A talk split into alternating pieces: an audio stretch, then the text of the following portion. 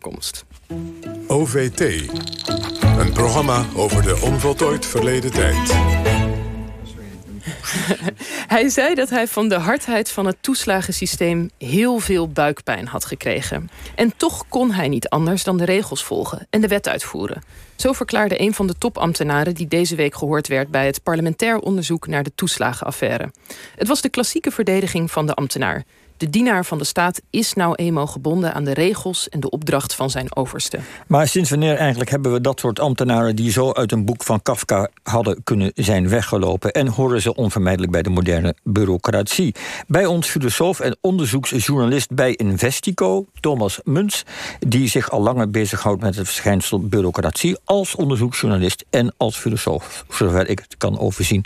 Thomas, goedemorgen. Welkom. Goedemorgen. Uh, die toeslagaffaire, even heel kort, wat, wat is er nou precies? Weer eens aan de hand? Want iedereen, we zien het dag in dag uit op televisie. Maar kun je even in een paar zinnen uitleggen wat het probleem is? Ja, heel kort. Um, we hebben in Nederland een toeslagensysteem. Dat betekent dat je, um, als je onder een bepaalde inkomensgrens zit, dan krijg je voor allerlei dingen die je wel zou moeten kopen, namelijk zorg, kinderopvang, al dat soort dingen, krijg je een toeslag van de Belastingdienst.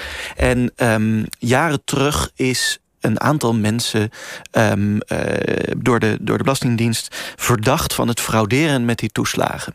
Um, en de Belastingdienst heeft daar bijzonder hardvochtig in, in gehandeld. Um, eigenlijk werden mensen die foutjes maakten op inschrijfformulieren ook aangemerkt als mogelijke fraudeur. Die, al die toeslagen die werden teruggevorderd. Maar ja, die zijn nou juist voor mensen die weinig geld hebben. Dus deze mensen zijn um, in, in de ruïnatie gestort. Zijn kinderen uit huis geplaatst. Uh, uh, huwelijken op de klippen geraakt. En zelfs sprake van suïcide. Bij mensen die tot daartoe gedreven zijn. Um, en um, wat er bovenop komt, is dat niet alleen bleek dat op een gegeven moment zijn mensen dat gaan terugvorderen, maar er is op een gegeven moment ook een actieve fraudejacht begonnen vanuit um, de dienst toeslagen. Actief op zoek naar fraudeurs en ook ieder jaar een bepaald percentage fraudeurs af te leveren. En daarvoor is onder meer het kenmerk tweede nationaliteit um, in de administratie gebruikt als een indicatie of iemand een fraudeur zou zijn of niet. Nou, en dat is allemaal aan het licht gebracht door Trouw en RTL Nieuws. Um, en naar aanleiding daarvan uh, vindt deze weken een parlementair onderzoek plaats naar de vraag wie wist wat, wanneer en wie was verantwoordelijk. En wij zien dus, we hebben de afgelopen week een aantal ambtenaren zien zitten. En, ja. en dan krijg je toch het beeld van mannen met hoge taken ja. die onaanraakbaar zijn of zich, zich gedragen zoals wij denken dat ambtenaren zijn, namelijk zich niet aanspreekbaar op hun verantwoordelijkheid, et cetera, et cetera. Dit, dit, dit drama wat we nu zien, is dat kenmerkend voor de moderne bureaucratie, denk je? Nou ja, um, hopelijk niet. In de, in de zin van de moderne bureaucratie heeft bepaald niet als doel um, om, om mensen te, te vermorzelen of, of mensen uit te zuigen of wat dan ook. Um, wat denk ik kenmerkend is, is dat dit een van de rampen is die moderne bureaucratieën uh, veroorzaken. En hoe um, als ze een ramp veroorzaken, wanneer ze dat doen, um, ze ook op deze manier eigenlijk verantwoording afleggen. Namelijk eigenlijk niet echt. Ja, en um, sinds wanneer kennen wij zo'n administratief uitvoerend apparaat met, met uh, ja, sinds wanneer bestaat dat eigenlijk, nou, ja, kijk, bureaucratie? Ad administratieve apparaten um, zijn um, zo oud als het schrift. Dus uh, die beginnen in Mesopotamië. Um, we hebben heel lang heel erg veel kleitabletten... waar administratief wordt bijgehouden. Um, uh, hoeveel graan, hoeveel wijn uh, enzovoorts... er geleverd wordt aan een tempel of aan een paleis. En pas vele jaren, eeuwen nadat dat is uitgevonden... bedenkt iemand dat ze ook het, het epos van Gilgamesh... eens een keer in zo'n kleitablet kunnen drukken. Um, dus we moeten... historie, in ieder geval in het Westen, begint met bureaucratie met -hmm. dingen uh, uh, nauwgezet administreren. En die term bureaucratie dan? Wanneer, wanneer komt dat? Ja, nou, die en, komt op. Ja. En dat is dat, dat, die komt eigenlijk op met de moderne bureaucratie. Want kijk, je hebt altijd rijken gehad die, die dingen wilden administreren. Je hebt altijd keizers gehad, uh, maar, maar ook warlords. Als je op een gegeven moment een stuk grond hebt, wil je weten wat zich op die grond bevindt. En dan ga je administreren. Maar um, de moderne bureaucratie, die heel duidelijk um, in dienst staat van een, eigenlijk van een rechtsstaat, die ook gebonden is aan hele duidelijke regels, die zien we opkomen in de loop van de 18e eeuw. In Europa. Ehm, overigens geïnspireerd door de Chinese bureaucratie. Europeanen waren, um, toen ze hoorden dat er in China een, een bureaucratie was waar iedereen dan examen voor kon doen. Maakt niet uit uit welke stand je komt. Maar als je het examen haalde, dan kon je toetreden tot de keizerlijke bureaucratie. Dat was een, dat was een, een, inspiratie hier in Europa. Um, die termbureaucratie die wordt dan een beetje pejoratief, dus een beetje laatdunkend. Um, uh, ook gemunt precies in die tijd, in de loop van de 18e eeuw. Ik meen door een Franse minister voor Handel. Maar je zegt als, als die inspiratie vanuit China, van goh, iedereen kon gewoon examen doen en dan werd je ambtenaar. Dat klinkt heel meritocratisch. Het klinkt eigenlijk heel mooi. Ja, en het valt dus ook, in. in ideaal achter. Ja, ja, nee, maar dat, dat, het valt dus ook in Europa, als we het hebben over, over de verlichting en verlicht, of verlichte despoten of het vestigen van democratieën en republieken, dan is een, een bureaucratie die langs rationele wegen wordt, wordt, wordt ingericht. Um, integraal onderdeel daarvan. Um, dat dat uh, het idee dat je... Um, dat zien we natuurlijk in, in Europa... met de verspreiding van de Napoleontische bureaucratie. Zo komt hij ook in Nederland terecht. En met Napoleon komen bepaalde ambtenaren... en een bepaalde ambtelijke praktijk hier terecht. Maar ja, wat hoort daar ook bij? Er hoort ook de meter bij en de centimeter. zorgen dat er een staatsapparaat is dus niet langer uh, mensen die benoemd worden op fijne posten omdat ze loyaal zijn aan de Heer. Um, en dan bedoel ik de, de, de wereldlijke Heer. Um, maar een apparaat dat wordt ingericht langs bepaalde wetten en regels en functies die voor iedereen gelden. Ja, dat wordt lange tijd ook echt gezien als een, als een, als een ideaal van een rationele samenleving. Ja, want een samenleving zonder willekeur. Ja, want dat is waar het om gaat. In wezen is de bureaucratie er om de burger gelijkheid te garanderen. Gelijke behandeling in elk geval voor de wet. Maar wat we natuurlijk steeds terugzien is het, is het probleem. Namelijk dat er toch een soort tegenstelling in zit. Is, de, is de bureaucratie er nou in de eerste plaats om de macht van de staat te bevestigen of de rechten van de burger te beschermen. Ja, dat, dit, was, dit was zelfs een probleem. Een, dit was zelfs een, een, een debatvraag die Thorbecke uh, opwierp uh, toen hij nog hoogleraar was in Leiden. Um, is de ambtenaar er om de staat te dienen... of is die er eerst om het Nederlandse publiek te dienen? En, ik, en dat is eigenlijk een vraag die, voor zover we moderne, uh, serieuze bureaucratieën hebben, um, waar we nog steeds mee worstelen. En het is natuurlijk ook op dat punt, uh, wanneer blijkbaar uh, het belang van de burger, um, of de waardigheid van een burger, in het geval van de toeslagenaffaire, en um, de manier waarop een staatsapparaat zich voortbeweegt, als die, die haaks op elkaar komen te staan, dat we um, komen tot, tot grotere problemen die bureaucratie veroorzaakt. En wanneer het dus ook um, rechtsfilosofische, politiek-filosofische problemen worden. Want je hebt al vanaf het begin, dat begint al met die term bureaucratie. Later in Nederland buralist, pennenlikker, uh, ik, ik geloof dat de, de schrijver Bilderdijk nog een paar ja. duitjes in de zak gedaan heeft in dit verband. Hè? Ja, ja, en uh, dat, maar dat imago van de dorre um, bureaucraat, dat bestaat altijd al. Um, en het is ook niet raar dat hoe romantischer een schrijver, hoe, hoe meer die een hekel heeft aan, aan die rationele uh, bureaucraten.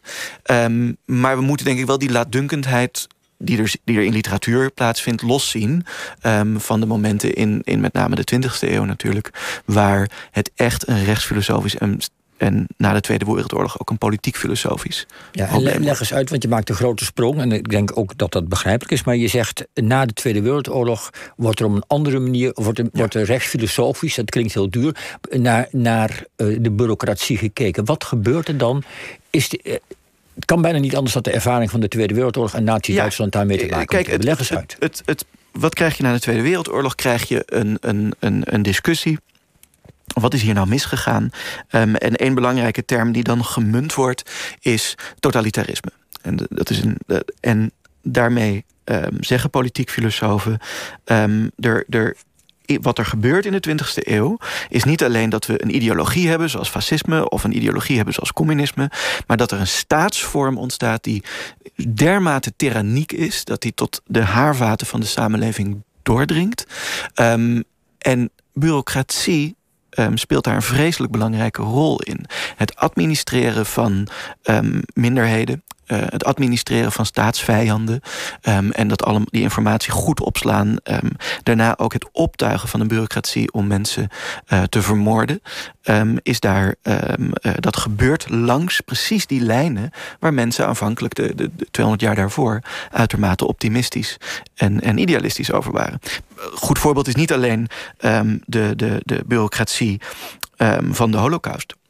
Maar bijvoorbeeld ook de bureaucratie van de, de Holodomor. Dus de, de, de hongersnood die Stalin bewust in Oekraïne um, laat plaatsvinden. Dat, waarom kunnen ze dat? Dat is omdat daarvoor um, statistici en ambtenaren hebben uitgerekend hoeveel calorieën een leger nodig heeft. Dat was een bureaucratische gang van zaken. Zoveel calorieën aan aardappelen, zoveel calorieën aan vlees voor het leger. Maar dat kon je ook omdraaien. Namelijk zoveel calorieën onttrekken aan Oekraïne, eh, waardoor de bevolking stierf. Nou, dat zijn bureaucratische massamoorden die alleen maar op die manier hebben kunnen plaatsvinden. Ja, nu denken we natuurlijk, dit zijn verschrikkelijke voorbeelden, maar daar, daar, heeft onze bureaucratie eigenlijk helemaal niets mee te maken. Nee, en dat, en dat is natuurlijk, en daarom is het onsmakelijk om, om naar de, um, um, zodra je uh, naar de toeslagen um, ondervragingen kijkt van de afgelopen week, om daar uh, het natuurlijk beroemde proces tegen Adolf Eichmann, de, de, de, de bureaucraat van de Holocaust, die door de um, Israëlische geheime dienst uit Argentinië is gekidnapt in de jaren 60. Naar Jeruzalem is gebracht om daar uh, terecht te staan. Um, um, om die vergelijking al te nadrukkelijk te maken. Uh, want ik denk dat dat, niet, dat dat niet goed is. Tegelijkertijd zat bij dat proces in Jeruzalem natuurlijk de beroemde uh, filosoof uh, Hannah Arendt. Um, en die heeft op dat moment een, een hele belangrijke en hele invloedrijke um, kritiek van, um, van bureaucratie geschreven. Met dat boek Eichmann in Jeruzalem. en later een paar keer doorwerkt. En ik denk ik wil graag dan een essay nemen van haar om iets te zeggen over de toeslagenaffaire, zonder dat je het gelijk vergelijkt met de Holocaust. Maar zij zegt um, in het um, essay On Violence, een essay uit de jaren 70, schrijft ze: Kijk, als we tirannie definiëren als een regime waarin één iemand aan niemand verantwoording aflegt, hè, dat is typisch aan tirannie. Er, er is geen verantwoording in een tirannie. Dan hebben we in een moderne wereld een, een nieuw systeem opgetuigd van bureau naar bureau naar bureau naar bureau. waar de verantwoordelijkheid van bureau naar bureau naar bureau wordt doorverwezen. En dus een, een systeem waarin werkelijk helemaal niemand verantwoordelijk is. En zegt ze maar, dat is nou precies het kenmerk van tirannie. Um, een, een regime waarin verantwoordelijkheid niet wordt afgelegd. En ik denk dat dat een heel belangrijk inzicht is. Uh, wat ze daar neerlegt. En als je met dat citaat, want je zegt het niet voor niks. Ja naar de toeslagenaffaire kijkt en naar bijvoorbeeld ambtenaren die zeggen: Ik had buikpijn, maar ik kon niet anders dan de wet uitvoeren. Wat zie je dan? Nou ja, dan zie je precies de retorische vraag van, van Thorbecke en je ziet de analyse van, van Arendt uh, uh, zich daar, daar uitspelen. Um, raar in een. Op een of andere manier is het een acceptabele verdediging geworden. Om te zeggen: ik deed het wel, maar ik draag de verantwoordelijkheid niet wij deden het wel, maar we droegen de verantwoordelijkheid niet. Als je, dat, als je een, een, een 19e-eeuwse antropoloog zou zijn en je zou uh, in de hooglanden van Papua een stam tegenkomen die op gezette tijden een andere stam um, uitmoordt, en je zou zeggen, maar wie is daar verantwoordelijk voor? En dan je niemand hier. Maar, dan zou je zeggen, god, dat is een interessante religie... waarin ze al die... Maar hier in, in, in, in Nederland zien we het als een, een hele um, acceptabele optie om te maar zeggen. Thomas, je haalt Hannah Arendt aan, je haalt het proces Eichmann aan. En een van de kritiekpunten van Hannah Arendt op Eichmann was: uh, je verschuilt je achter je taak en je opdracht. Wat is er met je eigen geweten gebeurd? Waarom heb je niet nagedacht? Uh, dat is toch ook een vraag die nu gesteld mag worden ja, aan dat is zeker een vraag die hoe, gesteld En hoe kijk je daar dan naar? Nou, kijk, daar kan je, kijk ik op twee dingen naar, op twee manieren naar kijken. Je kan daar naar kijken als een vraag over een individueel oordeel. Uh, zoals daar een individuele ambtenaar zit in die, onder, in die onderzoekscommissie en wordt gevraagd: u had de verantwoordelijkheid, u had aan de bel moeten trekken. En dat is waar. Want um, er komen um, op gezette tijden weer memo's boven water... die overigens ook gelekt worden door ambtenaren... die wel een juist oordeel vellen... en die wel namens een individueel geweten handelen. Um, waarin staat dat al heel lang duidelijk was dat dit een ramp was. Um, en, en niet alleen dat het een vervelend bijproduct was... maar dat mensen hun rechten geschonden werden door de bureaucratie. En deze individuele ambtenaren die hier um, bij betrokken waren, die hebben deze memo's. Iemand heeft die memo's op zijn minst niet ter sprake gebracht. Mensen hebben ze genegeerd. Dus dat is één ding. Het individuele oordeel van die ambtenaren. Maar er is een ander punt. En dat punt, um, iemand die dat in Nederland nu uh, veelvuldig maakt, is, is uh, Herman Cenk Willing. Die zegt: er is een de, voormalig... de voormalig vicevoorzitter van de Raad van State. Um, en Cenk Willing zegt: kijk, we wat we in Nederland verloren zijn in de afgelopen 30 jaar met het efficiënt um, uh, outputgerichte bureaucratie, hè, dus eigenlijk het als een bedrijf inrichten van de bureaucratie, is dat net als in een goed lopend bedrijf alles dezelfde kant op beweegt. Alles is efficiënt. Iedereen helpt um, uh, de, de, de beslissingen snel door de pijpleiding. En dat is een probleem, want we hebben onderhand een ambtenarij die eigenlijk zijn eigen controle en zijn eigen weerwerk niet meer goed organiseert. En, en hoe zou dat dan moeten? Want ik, ik meen te begrijpen dat bijvoorbeeld bij deze affaire op een gegeven moment de juristen, ambtenaren zijn weggehaald. Nou ja, we zijn weggehaald, die verdwenen. Dat, dat is iets waar, waar Jan uh, Klein Nijhuis, de, de journalist van Trauma, ook op wees. De, je ziet in die managementteams die er geformeerd worden rondom uh, de, het invorderen van de toeslagen, um, zie je dat er op een gegeven moment een jurist niet meer in zit. Je ziet in ieder geval, en dat weten we, dat um, memo's van juristen genegeerd werden en ook achtergehouden werden bij de Kamer. Kijk, en wat zijn juristen? Dat zijn mensen, als het goed is, die op een gegeven moment zeggen: uh, jongens, hier komen jullie in conflict. Hier komen we, um, hier overtreed je iemands grondrechten. Ja. En wat we nu hebben is een bureaucratie die eigenlijk zijn eigen juristen, zijn eigen tegenwerk, zijn eigen verkeersregelen zeggen: ho, wegmanaged. Goed, en dat moet weer hersteld, die fout. Dat zou mooi zijn. Ja, en uh, voor wie Hannah Arendt er nog op na wil slaan... haar essay heet On Violence, geloof ik, hè? Ja, zeker. Oké, okay. Thomas Muns, bedankt.